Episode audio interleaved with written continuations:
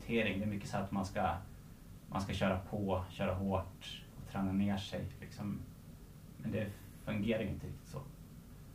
Utan, ja, jag och min tränare i alla fall, vi har ju den här träningsfilosofin att eh, ja, man ska träna så lite som möjligt för att bli så bra som möjligt.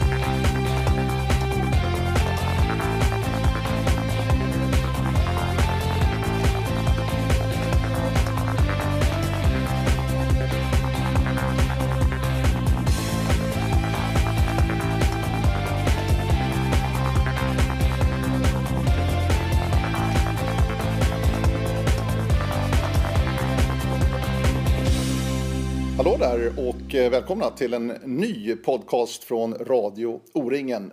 Det här är nummer 80 i ordningen sedan starten för nu drygt fyra år sedan.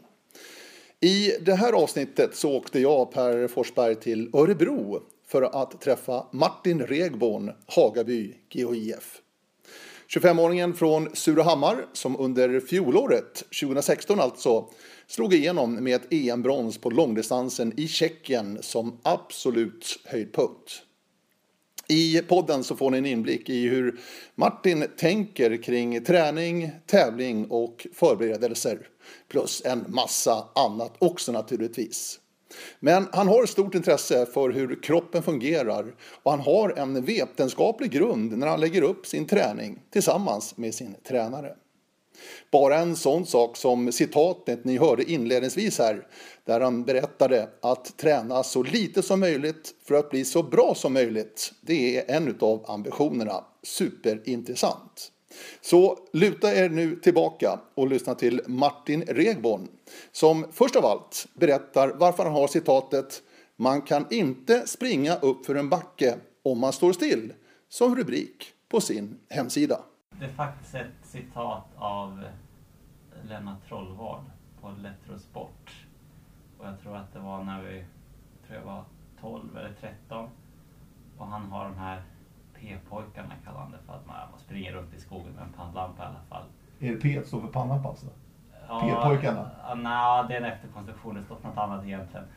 Eh, I alla fall så springer där och så står vi och väntar på några eftersläntrare liksom. Så vi har sprungit den, ja, den backe där utanför Surahammar som vi har sprungit upp för. Vi och väntar på den sista. Då säger han sådär. Jag tycker, jag tycker det är ett bra, ett bra citat bara. ja. Det som passar in på dig också? Ja, lite grann. För läser man din blogg så du gillar när det går upp för. Det är min känsla lite grann. Ja. Alltså uppförsbackar, det är liksom ingenting du väjer för? Nej, det är roligt att springa upp för. varför, varför är det så? Tycker bara det passar mig att kämpa. Aha. Du är från Surahammar? Eller? Ja, jag är uppväxt i Surahammar. Jag är mm. faktiskt född i Stockholm, mm. från Tullinge. Fast vi flyttade till Surahammar när jag var två. Ja, så jag okay. anser mig vara från Surahammar. Ja, just det, precis. Minne av något annat. Ja. Surahammar för mig, ja visst det är en del orientering absolut. Men ishockeyn är ganska stor i Surahammar. Är det någonting som du har känt av också eller? Ja, det var ju så min idrottskarriär började som ishockeyspelare. Det var så? Ja, det är det man gör i Sura. Man spelar hockey, så är det bara liksom. Men? Så, att, ja, så kom jag in på, när jag var tio då så fick vi i skolan så här inbjudan, nybörjarkurs, orientering. Och jag var intresserad så. För min mamma hade hållit på med orientering när hon var ung. La av när hon var 19-20 sådär kanske. Mm, mm. Så att eh, hon hade dragit med mig på en alltså, naturpass, eller vad heter det, trimorientering som det hette då. Så jag, jag, kunde väl de flesta karttecknen av hur kompassen fungerar och så, så jag visste lite orientering var. Så det var så det började, kan man säga. Men hockeyn fick ju vika då direkt eller? Nej, det gick ju parallellt där ett tag. Men sen så gick det ut mer och mer. Man började ju tidigare och tidigare på säsong. Det var ju så, var man inte med på varje träning så fick man inte spela några matcher. Så, så jag tyckte orienteringen var ju... Jag var lite bättre på orienteringen än vad på hockey så tyckte det var roligare. Till slut så blev det så att man blev tvungen att välja. Då började orienteringen som gick i första hand. Mm. Har, det någonting att göra också med eh, en tydlig individuell idrott, orientering och en lagsport ändå, hockeyn alltså. Passade det individuella dig bättre eller? Kände du så någonstans? Ja, eller? det är väl lite svårt för det här liksom att... Ja, ja jag kan vara i, liksom göra mitt bästa men så alla kanske inte är med. Liksom, då, det är lite frustrerande och så. Individuell idrott kanske passar mig bättre på det sättet att det är bara min egen insats som avgör Mm. resultat. Mm. Hur var det med orientering då? Liksom, fick du framgång direkt och kände att ah, men jag är nog ganska bra på det här, eller? Nej, så var det inte precis. Jag vann, ja, jag vann väl några tävlingar så första året jag höll på, men det var ju i, det var ju i Västmanland. Så att det, var inte, det är väl ett, ett av de största distrikten så i orienteringskretsarna, så alltså, jag märkte ju så fort man kom och sprang tävlingar utanför så då var man ju ganska långt ner i resultatlistorna så att säga. Så det var väl egentligen inte förrän jag var 14 där som jag började få lite resultat och känna att ja, jag är ganska bra på det. Mm. Vad var det som hookade liksom? Vad var det du kände med orientering som du, du gillade direkt? Kan du komma ihåg det? Nej. Svårt att peka ut någon specifik punkt så. Ja. Jag tror liksom jag bestämde mig och liksom verkligen ge orientering en chans var efter jag sprang mitt första O-ringen i Småland 2005. Och jag kom väl inte jättebra men jag kom ganska bra och liksom jag tränade inte jättemycket och så tänkte jag, ja, det ska vara kul. Liksom, jag är lite tävlingsmänniska sådär så man vill gärna vinna när man springer så ja, jag ska kanske börja träna lite grann på det här och se hur bra man kan bli liksom. Och sen kom ju resultaten ganska fort också när man det lite mer Mm. insats. Mitt första minne av dig Martin, det är från 2006 Ja, i Hälsingland. ja, Jag kommer ihåg den här rödvita sura dressen. Ja, Visst var den rödvit? ja röd, vit och blå är det. Ja, rödvit blå, ja precis. Ja. Det, är, det är mitt absolut första minne av dig, men visst vann väl du där i Hälsingland? Mm, Ja, just det. Det är nog därför jag kommer ihåg det så, så väl. ja. Vad minns du av den där veckan? För det måste ha varit stort för dig. ja, det var väldigt stort. Jag hade ju kommit, jag kom runt 20-25 på O-ringen 2005 då. Sen 2006 så tror jag vann två etapper och gick ut i ledning sista Ja. etappen. Och sen eh, ja, höll jag väl på att göra bort mig. Det var en varvningskontroll och så sprang man liksom längs med målet. Det var som två kontroller. Jag stämplade bara vid den ena och liksom tänkte att jag stämplade vid den andra och så sprang jag in så jag på att göra bort mig totalt. Men jag upptäckte som tur var att det blev lite darrigt där sista etappen. Men jag vann då 2006. Ja. Så det var lite mitt genombrott kan man säga. Och vad, vad betyder det för dig? Den där känslan av att vinna O-ringen som är stort, den där rollen, verkligen stort alltså. Ja, nej, det var riktigt stort. Det är, liksom, det är verkligen att, ja, det är det här jag vill satsa på. Liksom. Ja, du kände det då? Ja. ja. Vad var det du hade gjort så att säga för att utvecklas så, så pass mycket då till att gå och vinna en H14 var det då va? Ja. Ja. För det är ju tuffa klasser ändå alltså. Hade du gjort något speciellt eller var det bara att du vart Ja. mognare och mognare kanske? Nej, träna lite mer och sen var det ju så i, i Sura också att det var inte så stor ungdomsverksamhet så att vi som höll på, vi hängde ju med seniorerna fick träningar och drog, drog iväg oss mitt ute i skogen. Så vi sprang ju ganska svåra banor ganska, ganska tidigt. Ja. Och sen då den här hösten 2006, hade du växt då? Kände du att självförtroendet var på topp då? Då kände du att nu, nu är jag där någonstans?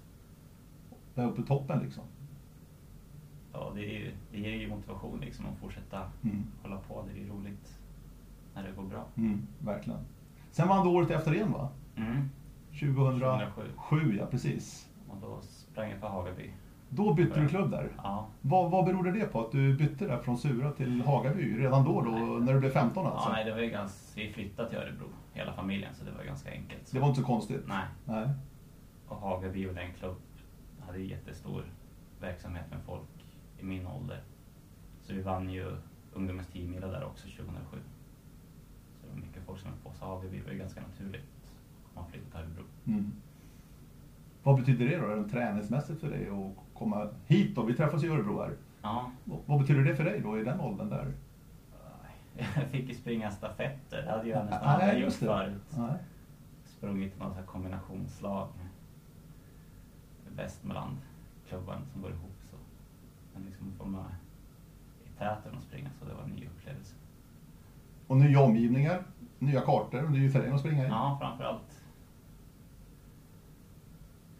För att det var ju, det blev ju helt nytt för dig då, när du flyttade hit till Örebro.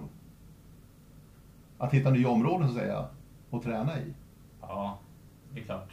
Det kanske man inte tänker på just I den I den åldern. åldern har man inte hunnit springa ut områdena hemma och så också. Men det är klart, det blir ny terräng typ. Och, Mm. 15, sen blev du gymnasiet. ja, Och då- i Eksjö. gick du i Eksjö. ja. Det var ingen snack, du skulle gå på ett orienteringsgymnasium. Ja, det hade jag väl bestämt mig ganska tidigt. Så jag sökte ju ja, till Eksjö och Hallsberg då, men Mm. kände liksom, ja, Eksjö var nog... Det var lite längre hemifrån. Var det så? Ja, det var, ja. Hur var de åren då, tycker du? Så här med, i backspegeln. Ja, lite både och kan väl säga. Om man tittar på sig efterhand så tränade väl lite väl mycket och var skadad och lite lätt övertränad ganska många av de åren. Mina juniorår där. Så efterhand kanske man skulle ha gjort lite annorlunda men Vad beror det på då? Att, att du tränar så mycket? det blir lite så man kommer iväg. Liksom man får, det finns ju tid och möjlighet att träna så mycket. Det är lätt att det blir så också om man har lite dålig koll och det är lätt att dra iväg. Men alltså, du har ju instruktörer och tränare på skolan. Hjälper inte de till med sånt här? Liksom, och styr upp det här och se till att ni inte blir övertränade, att ni inte tränar för mycket utan att hjälper er i den styrningen. Det låter jättekonstigt tycker jag i mina öron. Ja, jag vet inte hur det var med det också. Det var ju rätt... Jag hade ju liksom den motivationen också att jag drog iväg och tränade. Det var svårt liksom om någon, liksom, folk kanske sa till och så men det är svårt att lyssna kanske när man är i den åldern. Och Absolut. framförallt eftersom jag fick, jag fick ganska bra resultat i början där också. Mitt första år som junior. Mm. Liksom såg att det fungerade här och sen höll det väl inte riktigt hela vägen. Nej. Men är det lätt att liksom, det går åt det hållet så att säga? Att man, man är ung, man är fräsch liksom och man orkar hur mycket som helst känns som. Ja, så är det ju. Ja. Men vad har du lärt dig Ja. då? Är Det, det, det, det har varit en läxa för dig ändå det där? Ja, men man har ju lärt sig väldigt mycket. Jag har lärt mig ganska bra liksom, att känna på, på kroppen och så. Att lyssna på kroppen? Ja, ja. framförallt som nu mitt... Jag har ju ett ganska nära samarbete med min, min tränare. Som kom in. Vi började egentligen... Ja, jag gick fyra år i Eksjö. Och det är egentligen sista året där som vi började samarbeta lite mer. Mm. Han har bra, han är inom friidrottsklubben här i Örebro, Håkan Friidrott. Och han sonderar av området efter bra löpare, så jag hade ju tränat med dem en del innan. Och sen 2012 så hade vi ett nära samarbete för att med, skulle fixa en formtoppning inför junior-VM det året. Mm. Och eh, jag tyckte det fungerade så bra så att liksom det blev mer och mer samarbete. Sen det blev, samarbetet blev tajtare och tajtare nu över, över åren. Så nu, nu lägger han i princip upp all min träning. Mm. Ska jag säga. Vem är din tränare? Mikael Kron heter han. Mm. Och den, han är alltså från friidrotten som du säger. Ja, Han är en löp, löpartränare egentligen. ja, Så att han har, hur, hur pass väl kan han orienteringen? ja Orienteringssporten? den fysiska biten har han ju bra koll på. Absolut. Och den tekniska delen får jag ju lägga upp lite själv såklart. Han har ganska bra koll på vad det, som, vad det handlar om. Mm. Och det skiljer ju inte jättemycket egentligen fysiologiskt när man kollar löpning och orientering. Det är ju Mm. samma träning i stort Mm. sett. Vi ska komma tillbaka till det fysiologiska Ja. Martin, absolut. Eh, men jag tänkte bara, eh, orienteringen eh, till dag, i dags dato är ju väldigt, väldigt viktigt att man är en bra löpare. Det är ju ingen snack. Ja, Insåg du det här tidigt så att säga, att du ville få hjälp med löpsidan och att du klarade av tekniken själv? Förstår du vad jag menar? Lite Ja, grann? det är lite, jag håller ju på med löpning och så springer en del tävlingar. Mm. Så Så att jag är ju lite inom löparsvängen också. Jag märkte ju ganska tidigt att jag var ganska bra på att springa. Så också. Är det Det viktigt, klart. tycker du, att vara med på tävlingar också? Liksom få den hårdheten någonstans man kanske behöver för att liksom späka sig ordentligt? Ja, tycker jag. tycker det är kul att springa också. Även om orientering är roligare såklart. Men det ger ju en hårdhet på ett annat sätt. Mm. Det, det är inte så många som håller på och springer löptävlingar nu för tiden, i min känsla. Eller? Det Bla, ju- Bland elitorienterarna, tänker jag då. Det är ju svårt i och med att vi har så mycket tävlingar i övrigt. Så det är svårt att hitta tid till att lägga, av, lägga över på orienteringstävlingar. Det är klart, liksom under säsong då springer inte jag heller så mycket löpartävlingar. Det blir nu mer under Mm. vintern, våren som man kanske gör några. Men är det, är det viktigt någonstans, tycker du ändå, att, att göra det? För din utveckling? Ja, jag tycker det är kul. Liksom. Ja, du tycker det är kul. Som om man måste göra det, det är väl en annan sak. Nej, men om man ser rent historiskt, eh, Lidingöloppet är ett sånt där lopp som Mm. många orienterare har sprungit genom åren. Ja. Där orienterarna var väldigt, väldigt duktiga. Framförallt om vi backar till 80-talet till exempel var orienterarna fantastiskt duktiga. Och sprang också Lidingöloppet. Nu ligger det, som du säger, att tennisprogrammet är väldigt, väldigt tufft för elitorienterarna i dagens läge. Men det, min känsla är att det är färre elitorienterare som springer terrängtävlingar nu för tiden. Jo, absolut, så är det. Ja. Och Det är ju lite konstigt också för att vi hävdar oss ganska bra i konkurrensen. Mm. Verkligen. Du, eh, junioråren där när du övertränade, du, eh, du blev utslagen eller hur, vad hände med din kropp så att säga? Nej, det var väl, det var väl upp och ner liksom. Jag fick varvade väldigt bra resultat med bottennapp kan man väl säga. Så det var ju Mm. väldigt mycket upp och ner. Det var inte den här stabila karriären liksom. Nej. Vad gjorde du sen då efter det här för att få styrning på det? Du tog hjälp av, Kron kom in i det här läget Ja. redan alltså? Styra upp det liksom. Och liksom få koll på helheten. Ja. För då i det läget när du var sjut- 17 år ungefär alltså? Ja. Den här överträningen? ja. Ja. Men alltså efter det så, du hade ingen planering alls då, då i det läget? När du var ung och ärgirig? Nej, jag planerar ju min egen träning. Ja. Liksom. Så det blir mer lite Det var mest mängd egentligen? trial and error. Ja. Liksom att se hur det fungerar. Men det är, det är bra också. Liksom, jag, jag vet ju vad som fungerar och jag känner ganska bra om jag håller på att bli sliten och så. Mm. Och varningstecknen, känslan. Mycket känsla liksom att känna efter. Du har inte varit nere i den avgrunden en gång till efter det där eller? Nej, Nej, inte den så som det var. Nej men då fick du en läxa i alla fall. Mm. Ja. Du Eksjö, eh, studiemässigt, vad, vad läste du? Jag gick eh, natur, Ja, gjorde jag. och det var också givet eller?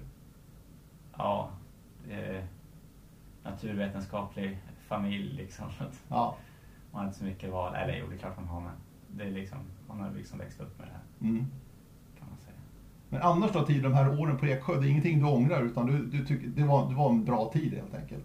Ja, ja nej, jag vet inte. Tittar man nu, det är klart man skulle ha velat gjort annorlunda då men det är ingenting man ångrar så. Men är det med träningen framförallt du tänker eller? Ja, Att du skulle ha haft lite mer styrning från början redan från, från ledarna och instruktörerna eller? ja eller att, ja, ja, att jag tränar som jag gör det nu redan då. Liksom Ja. att jag visste. Det är som man måste se vad som fungerar och testa olika saker också. Som Absolut. Ja. Du, eh, natur alltså på i Eksjö. Sen då, har, har du läst vidare på något sätt Martin efter det där? Du fyller ju 25 år i år nu. Ja, Ja. Du börjar bli eh, till åren. ja, Känns det det? Nej, Nej. jag bara skojar Martin. det är många år kvar. Ja, verkligen. Det hoppas jag verkligen alltså. Men vad, vad har du för inriktning? Vad har du för inriktning så? Vad, vad vill du studera vidare? Jag har läst eh, till biomedicinsk analytiker här i Örebro.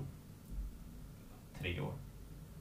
Och så har jag börjat och läst ett år på ett masterprogram inom idrottsfysiologi och medicin. Mm.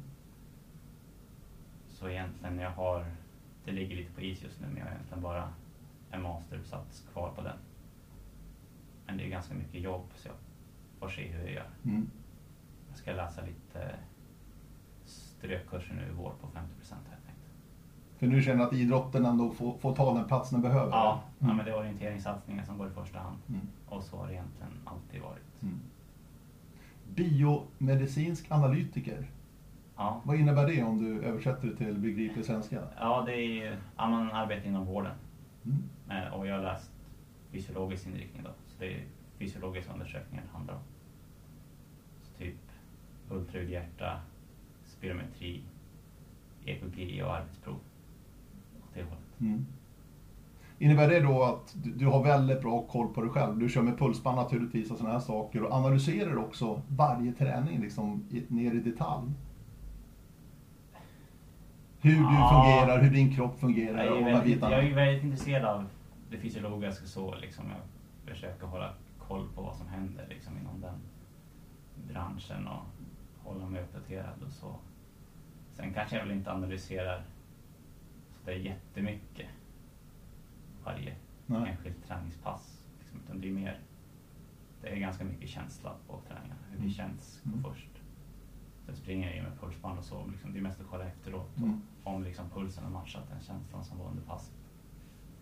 Du, vilken nytta kan du ha av dina kunskaper då, som du har läst här som elitidrottare? Men man får ett mer, lite mer vetenskapligt perspektiv på sin träning kanske. Jag, vet inte, jag kan tycka att det är mycket gamla traditioner som lever kvar. En kultur som finns som kanske inte är, kanske inte är riktigt rätt alla gånger. Vad tänker du på då? Nej, jag menar, om, jag tänker, om man tänker orientering, det är mycket så att man ska, man ska köra på, köra hårt och träna ner sig. Liksom. Men det fungerar ju inte riktigt så. Utan, jag och min tränare i alla fall, vi har ju den här träningsfil- träningsfilosofin att eh, ja, man ska träna så lite som möjligt för att bli så bra som möjligt. Så att det handlar egentligen om att, om att inte bli sliten, utan att alltid vara fräsch på de tuffa passen. Så att man verkligen får ut max på dem. Mm. För det ska vara, det var hårt på de hårda passen och sen ta det lugnt på de lugna passen. Så det blir väldigt polariserad träning. Mm. Annars? Det, tror, jag- det tror jag kommer mer och mer nu också. När man kollar på man kollar intervjuer med skidåkarna nu i vinter. Liksom, det känns som att de har upptäckt det här med polariserad träning precis. Liksom. Ja, du, du lyssnar mycket på sånt där va? Ja. när du hör, ja. Ja. jag förstår det. De pratar om. Ja. Men annars, det där lät ju väldigt bra tycker jag. Träna så lite som möjligt för att bli så bra som möjligt. Ja, jag tänker på mig själv mycket, alltså. Ja. Ja, men så vi kör mycket, mycket, mycket kvalitet. Intervaller Ja, till exempel. ja. Ja, kvalitet helt Ja, enkelt. inte jättemycket mängd. Det är klart det blir mycket träning ändå men liksom, det skulle ju gå att träna mer men frågan är liksom, tränar man, det handlar ju om att kunna adaptera kroppen till träningen också, till att kunna tillgodogöra sig träningen. För det har jag tänkt på Martin, att eh, framförallt Norge, om man lyssnar på norska skidåkare, Mm. så pratar de nästan bara antal timmar de tränar på ett år. Ja. Det är ganska irrelevant egentligen. ja, det säger ju ingenting om träningens innehåll. Nej, jag har också tänkt på det. För de pratar alltid om det, ja, nu ska vi upp till Ja. 900 timmar i år. Och då känns det, okej, det är nästan tre timmar per dag. Ja. Om man slår ut det på ett år.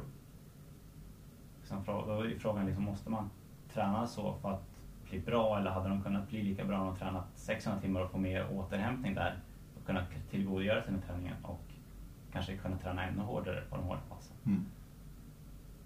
Jag det, är tycker, liksom, det, är, det, är, det är lite norsk, det är den här kulturen, träningsfilosofin i Norge, att man ska träna väldigt mycket timmar. Mm.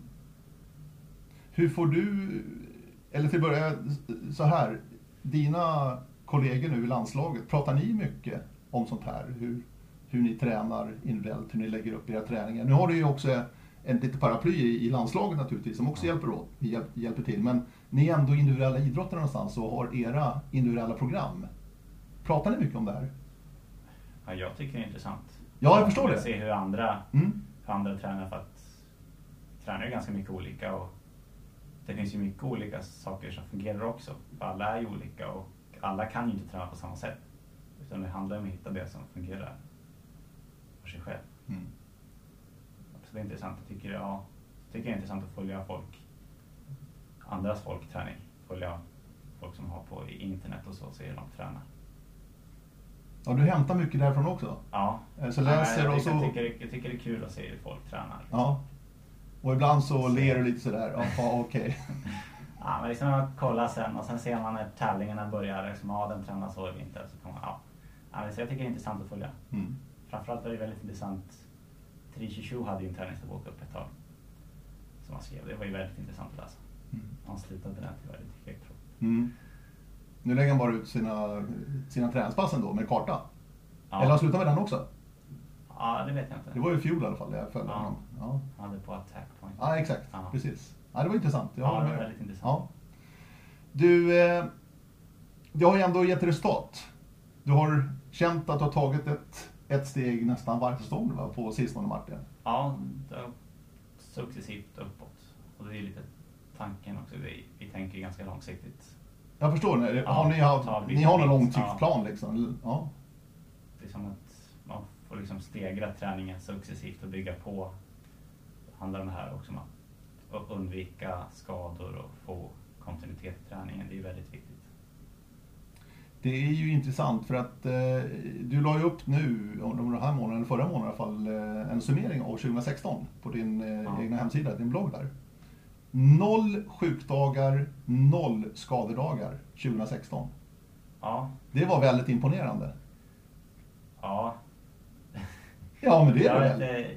jag, jag är faktiskt inte den person, person som blir sjuk ganska ofta. Nej, det är ju skönt. Så att, men, ja, men, alltså, syftet med träningen är att undvika att bli skadad. Hålla, det, var, hålla sig på den säkra sidan hela tiden.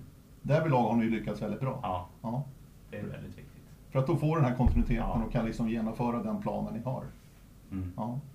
Men hur har det sett ut historiskt då? Har du varit sjuk, skadad lite för mycket tycker du genom åren eller? Sjuk har jag aldrig varit. Nej. Lite större mycket. Men det är ju det är mer tacka genetiken för, så att säga. Men ja, skademässigt har det blivit en del. Framförallt under junioråren.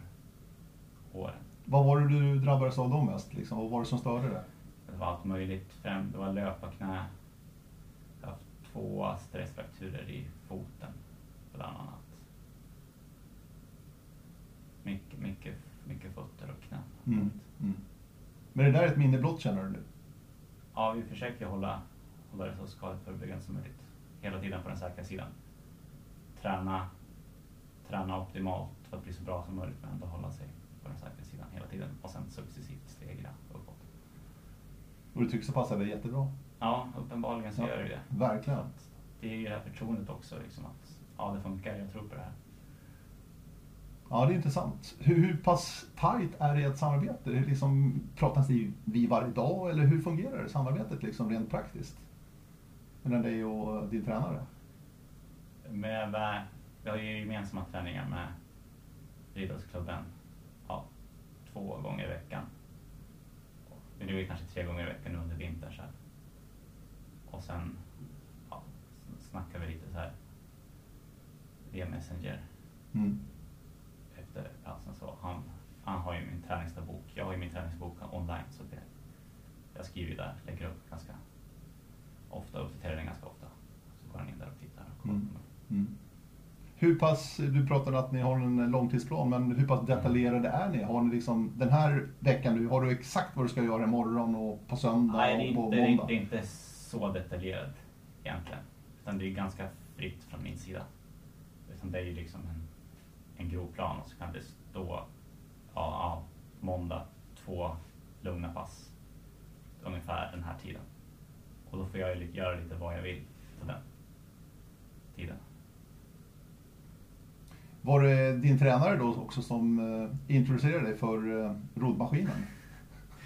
Du, Ja, jag du, du blev ju jag rikskändis jag, alltså. visste, jag visste att det där skulle komma upp. Ja, men det Ja. måste komma upp, Ja, det absolut. Eh, du har ju blivit roddmannen. Ja, Ja, den började väl egentligen... Ja, det var vintern 2013-2014 så var jag faktiskt skadad. Mm. Hade ont i, i höften hade jag. Och eh, rodd var typ det enda jag kunde köra utan att det gjorde ont. Mm. Och min tränare är ju lite också insnöad på det här med rodd. Han, tycker, han kör Ja, lite okej. själv också. Så, Ja. att, så det blev ju så. Och så gick det ju ganska länge där utan jag kunde springa. Så då, liksom, då kör jag liksom träna på roddmaskinen. Det, det roliga med rodd är ju att du får ju svart på vitt, liksom, tider exakt, allting. Så man kan hela tiden jämföra sig själv och se att man blir bättre. Då tänker jag så ja, satsa 2000 meter, det är den tävlingsdistansen som jag kör. Så jag, liksom, ja, jag kör en träningsperiod och liksom satsar på att bli bättre på den distansen. För det är kul att ha med den alternativa träningen, ja, ha ett mål. Att ha hela tiden ha ett mål med träningen, än att bara gå till gymmet och bara, nu ska jag köra det här i en timme. Liksom. Då är det roligt att, då är det roligare att ha någonting att satsa mot. Så jag körde ju liksom, träna för 2000 meter, körde man ett testlopp ibland och sen, ja, sen kollade jag liksom på mina tider och såg, ja, de kör ju SM, jag är ganska bra, står ganska bra i konkurrensen där. Och sen, ja, i fjol då så tog jag tag i saken och, var, och ställde upp på den där tävlingen. Och det gick rätt bra. Ja, jag kom eh, tvåa i lättviktsklassen. Var du förvånad eller? Ja, Jag visste ju att min, att min tid kunde stå sig ganska bra. Så bara, ja, det, var, det var spännande, det var en upplevelse att vara med på. Jag förstår Det, det det. var lite udda. Verkligen. Men det har inte så mycket med orientering att göra, hör du. Alltså löp, inte löp, löpningen heller va? Det Ja, är, konditionen. ju väldigt mycket, det är väldigt mycket syreupptagning. Ja. Och så ger den väldigt bra grundstyrka också. Väldigt mycket bålstyrka. Och det har man också nytta av inom orienteringen. Jag tycker framförallt att det är ett väldigt bra komplement till löpningen. Mm. Så vi kör lite, nu under vintern så kör jag nog två pass rodd i veckan. Ja, det gör det. Men då är mest distans, långdistans, som eh, återhämtningspass. Mm. För det ger väldigt bra styrka och kondition. Och framförallt så sliter det inte så mycket på löpmusklerna.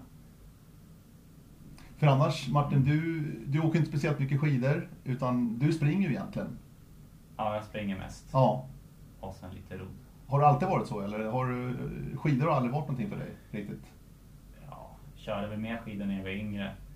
Och sen har det blivit ganska mycket skidor när jag varit skadad också. Men jag har svårt... Alltså jag tycker det är kul med skidor om det liksom är fina spår och det är fint väder och man Mm. är ute på långpass och så. Men det är svårt att köra så här intervaller på skidor. Folk kommer upp i puls. Inte så bra tekniskt. Liksom. Eh, när man tittar igenom din blogg, återigen, jag har gjort en hel del de senaste dagarna bara för att liksom komma in i mod här inför vårt möte här Martin, så är ju känslan att, och där är du och jag ganska lika, vi gillar att komma ut i fin terräng och fina skogar och fina omgivningar, liksom bara njuta av frisk luft, härlig terräng.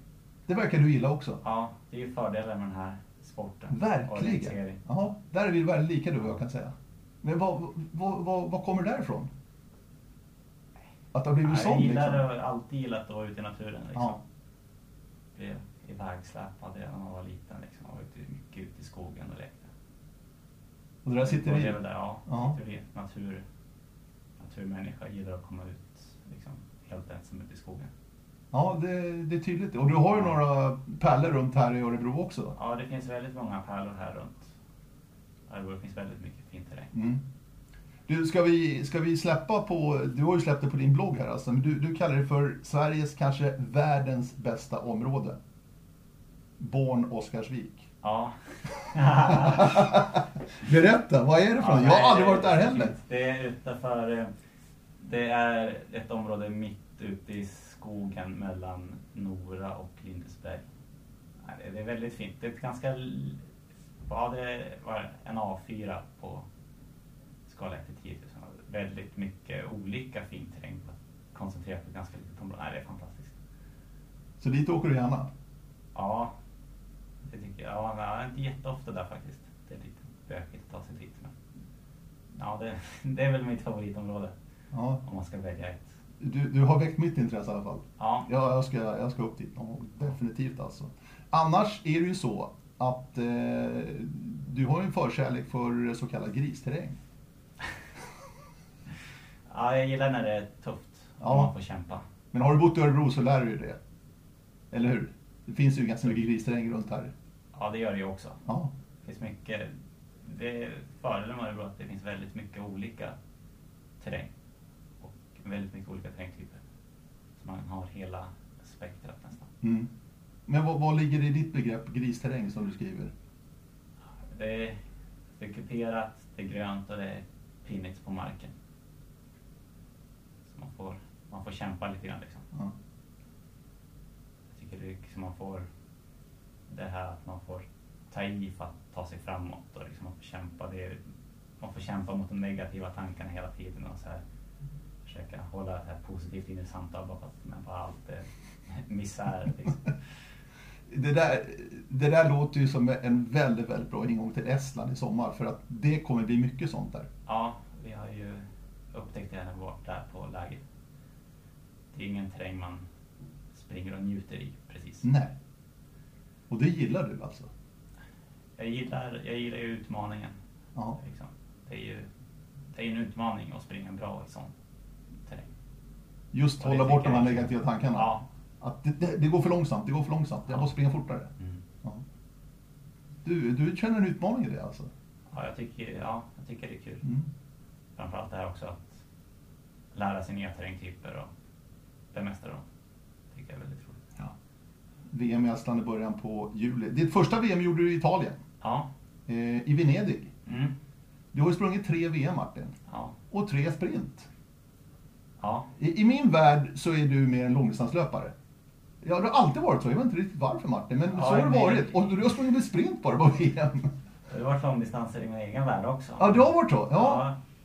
Ja, jag hamnade in där på sprintsvängen. Det var väl egentligen... Jag blev tvåa på sprint-SM 2014. Stämmer. Det var väl så det började. Och då fick jag springa min första världscup i sprint. I Finland, Imatra. Labyrintsprinten. Exakt. Och sen blev jag reserv på sprinten till VM då i Italien. Och så fick jag veta typ två dagar innan att jag skulle springa sprinten. Och sen har jag liksom blivit kvar i, i sprintsvängen internationellt där egentligen. Så det är väl där det kommer då. Mm. Men alltså sprint kontra långdistans, det är ju det är en väsenstor skillnad i sig alltså. Det är ju inte jättestor Nej. skillnad egentligen. Det är ju, det är inte sprint i den fysiologiska bemärkelsen utan man springer en kvart. Så det är ju till allra största delen en aerob tillställning. 5000 meter friidrott. Ja, ungefär. Och sen, men sen skiljer det mycket, det är, hel, det är lite annorlunda fysiologiska profil såklart jämfört med slätlöpning och sprint. Men det är, ju- ja, det är ju stort sett aerobt också, precis som långdistansen. Så träningen i sig skiljer ju inte jättemycket. Så du tror inte riktigt i framtiden heller att det kommer bli en specialisering alltså mellan de här två olika eh, ytterligheterna då som det ändå är rent tidsmässigt i alla fall, sprint och långdistans i monteringen. Utan du tror att det kommer fortsätta vara ungefär samma löpare som kan vinna både sprint och långdistans? Det är svårt att säga där. Ser man, det känns ju som att det på senare tid har liksom blivit mer att folk specialiserar sig inom vissa Mm. distanser. Men jag tänker liksom att jag fortsätter träna för alla distanser. Så, och få, få den här allsidiga träningen i stort också. Sen har vi lite så med det här långsiktiga upplägget som jag och min tränare har, att vi kör mycket, vi kör ganska mycket fart nu och försöker få upp eh, snabbheten medan jag fortfarande är ganska ung. Och sen är väl tanken att vi över på lite längre distanser senare, Mm. längre fram. Mm. Den här planen då Martin, eh, inför sommaren då och VM i Estland till exempel. Har du satt upp något, jag vill helst springa långdistans eller det spelar ingen roll utan du, du, det är som ett öppet ark för dig eller hur, hur funkar det där? Jag vill gärna springa långdistans på VM. Det är det jag satsar på. Och sen vill jag ju, jag vill ju springa sprinten också. Mm. Jag känner ju att det är inte långt bort en medalj på sprint. Så jag vill ju satsa fullt ut där också. Mm. Men det är ju framförallt långdistans. Jag är väldigt sugen på att springa. Mm. Men det är ju, det är ju tufft att komma med. Det är många som är bra nu. Så. Det är bra drag i landslaget. Ja, verkligen. Är det kul att vara en del av det där? Ja, det är jätteroligt. Det är ett bra gäng och spåra varandra. Vad betyder det för dig som människa liksom, att ändå vara med i det här sammanhanget och, och ändå få en, en del fördelar, inga pengar, det är inte det vi pratar om, men ändå, det är ändå en bra plattform att vara på för dig som elitsatsande och Ja, orienterare. det betyder jättemycket få det förtroendet. Mm. På vilket sätt är det som det betyder mycket säger du, men vad, på vilket sätt?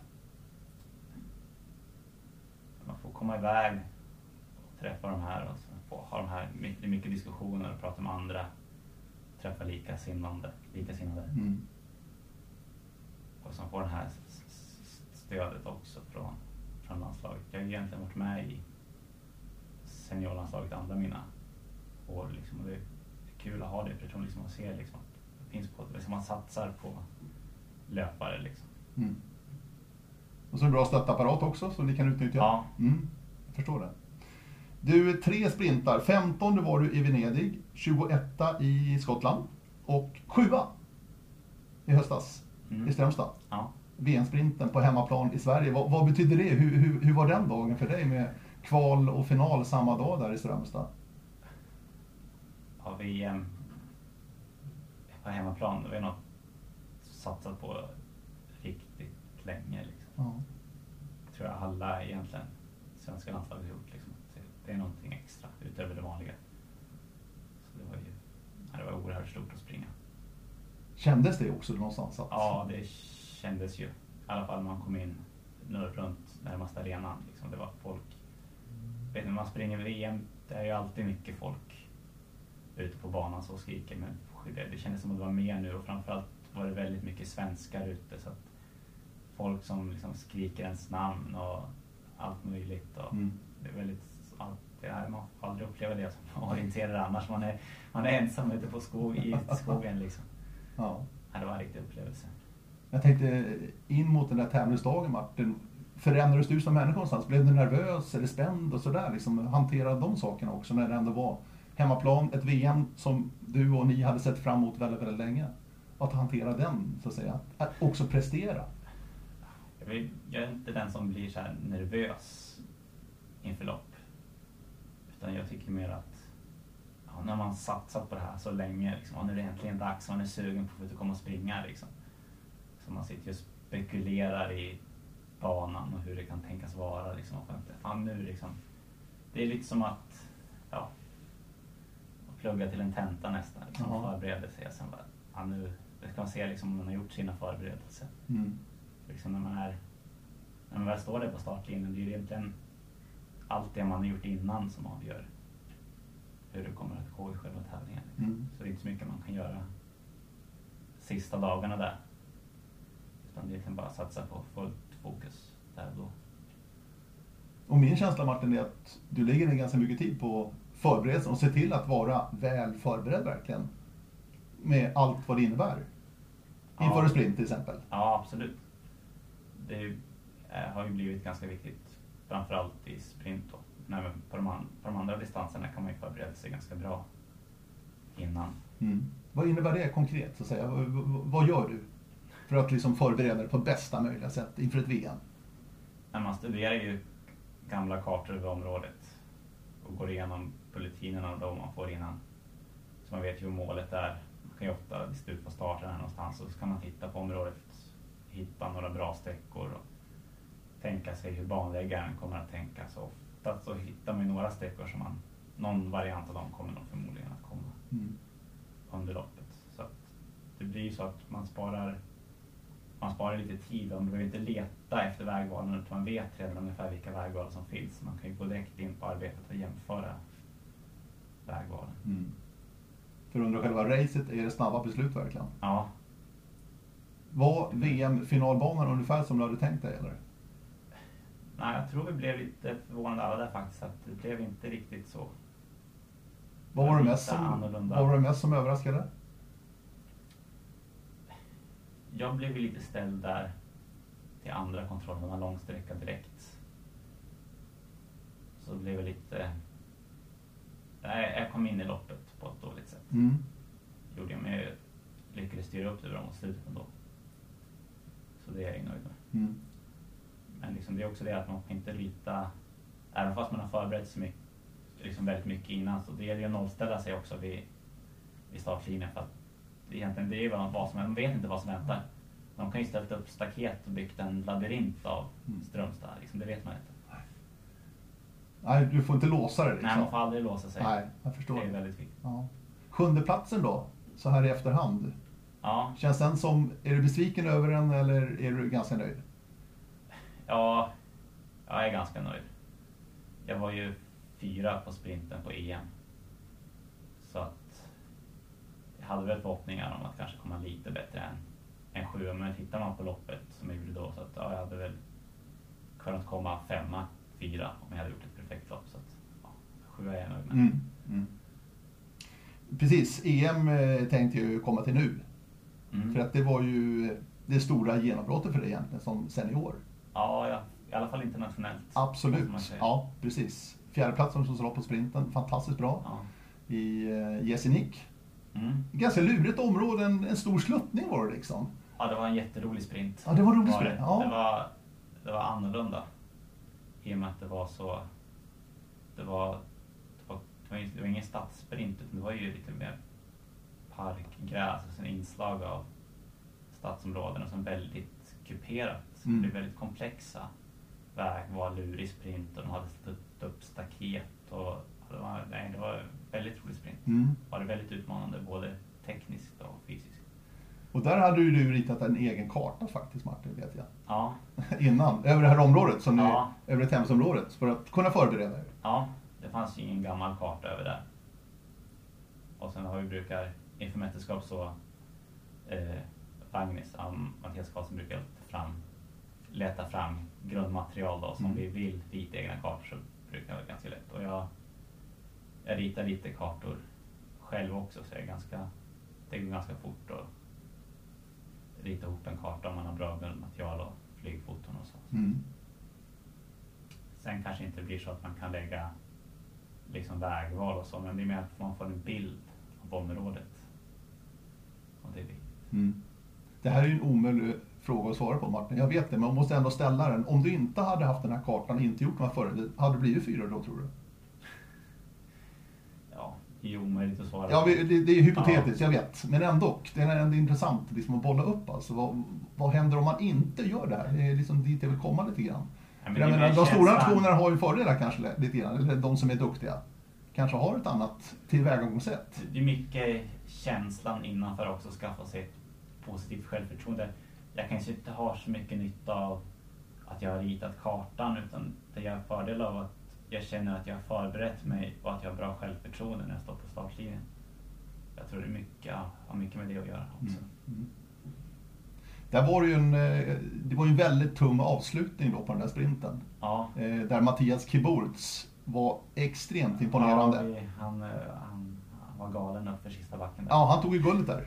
Ifrån Gustav faktiskt. Ja, Som ju, jag trodde skulle vinna den här tävlingen, men Mattias hade någonting alldeles extra på slutet. Ja, det var groteskt.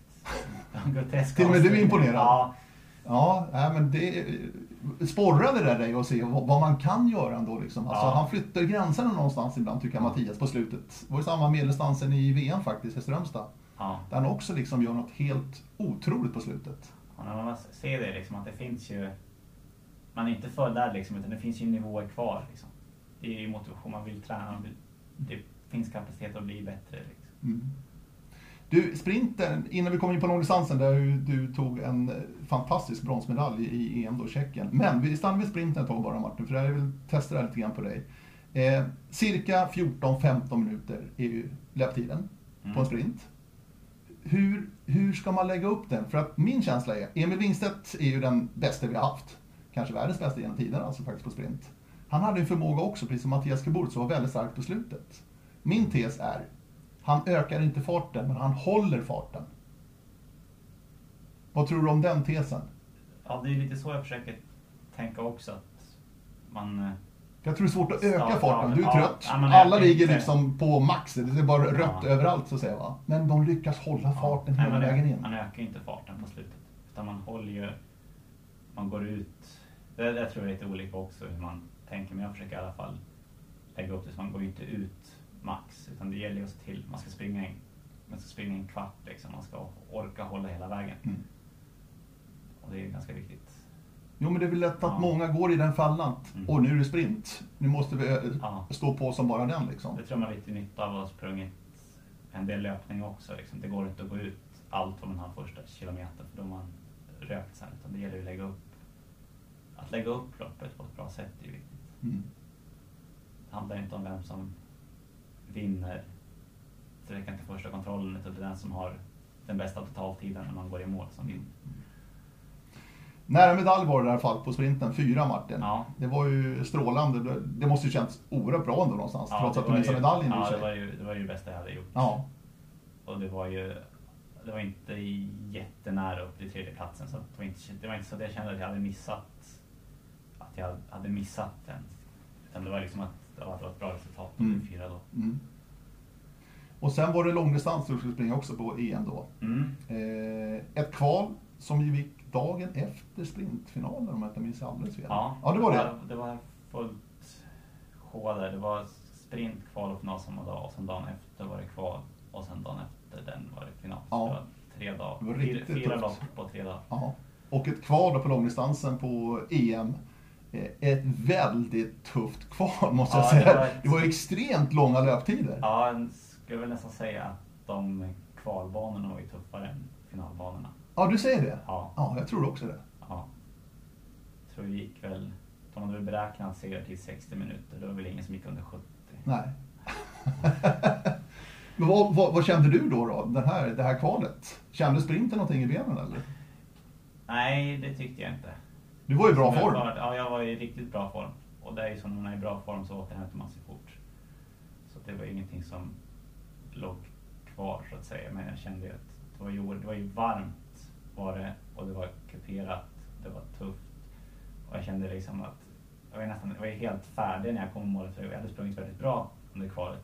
Men jag var helt färdig när jag kom i mål. Jag tänkte, hur ska man och, och, orka en full långdistans på det här imorgon liksom.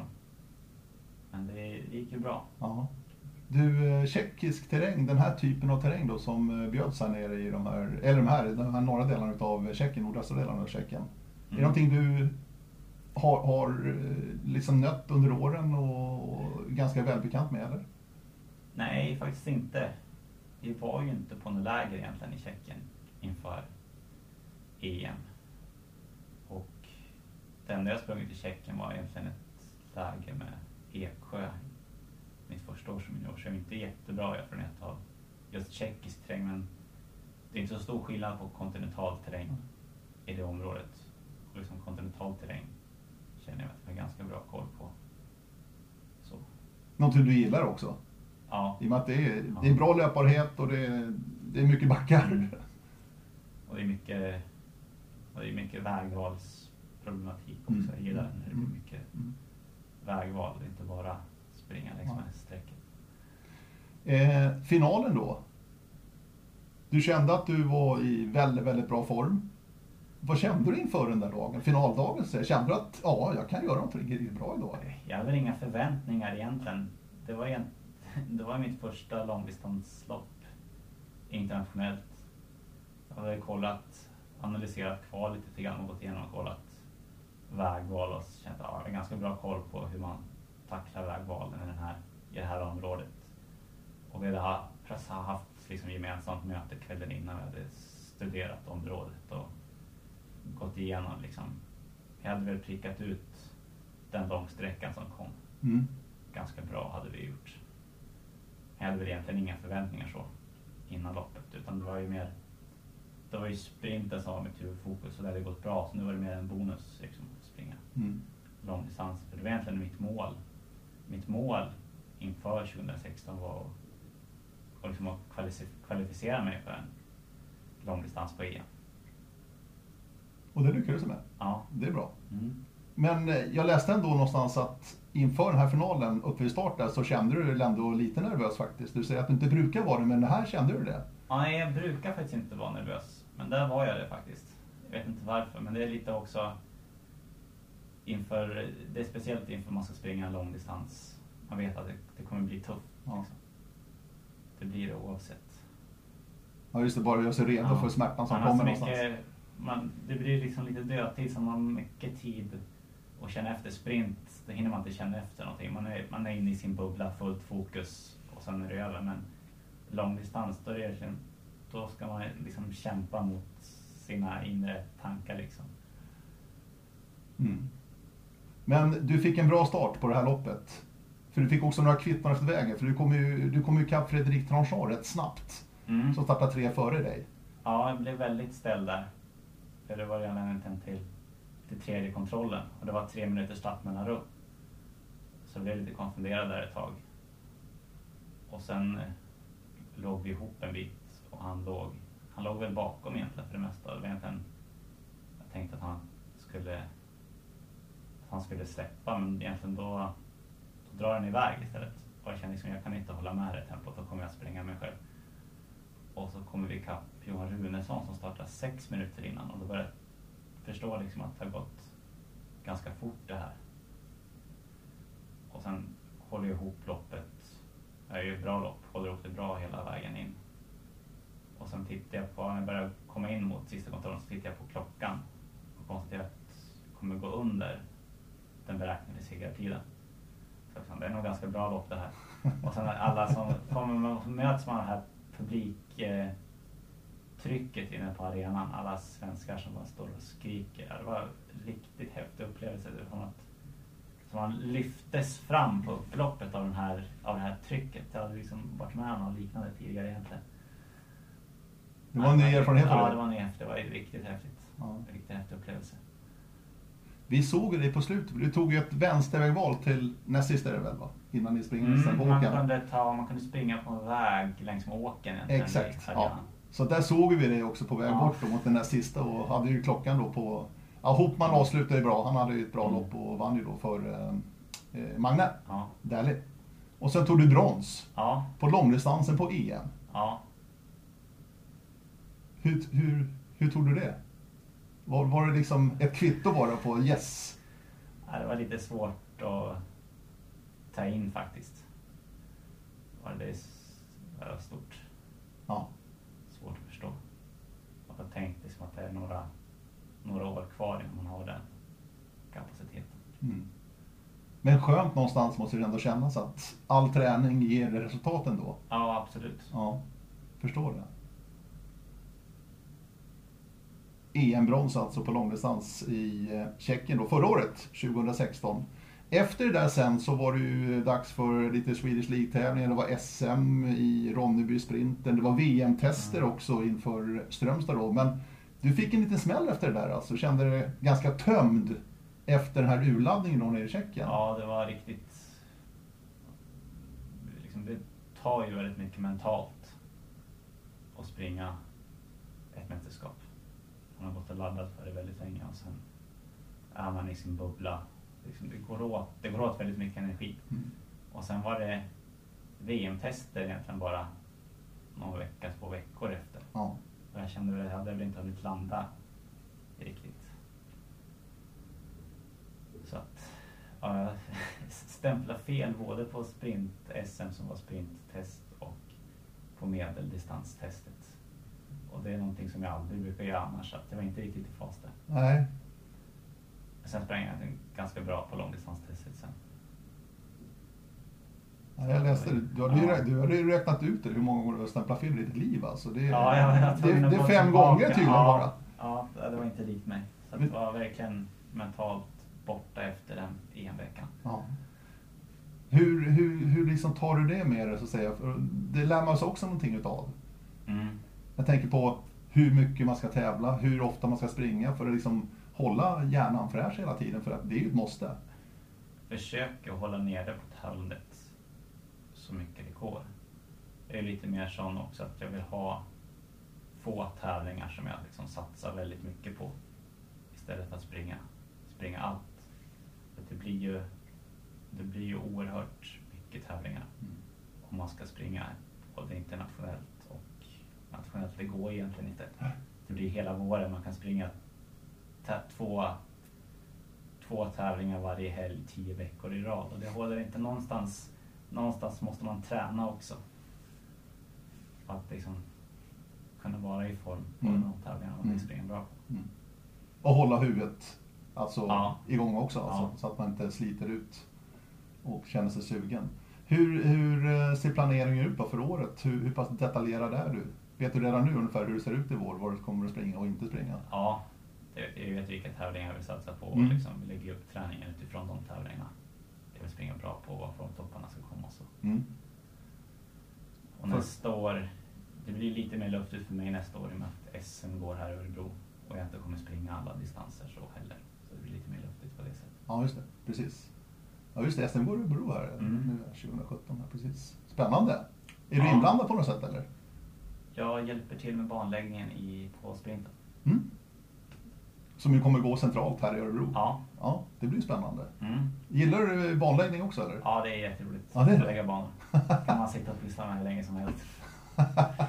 Är det nyttigt också tror du? Alltså, Ja, ger det någonting tror du? mycket, man har, det, det kommer ju mycket de här förberedelserna också inför mästerskap. Vi, vi lägger ju banor till varandra inom landslaget och så. så.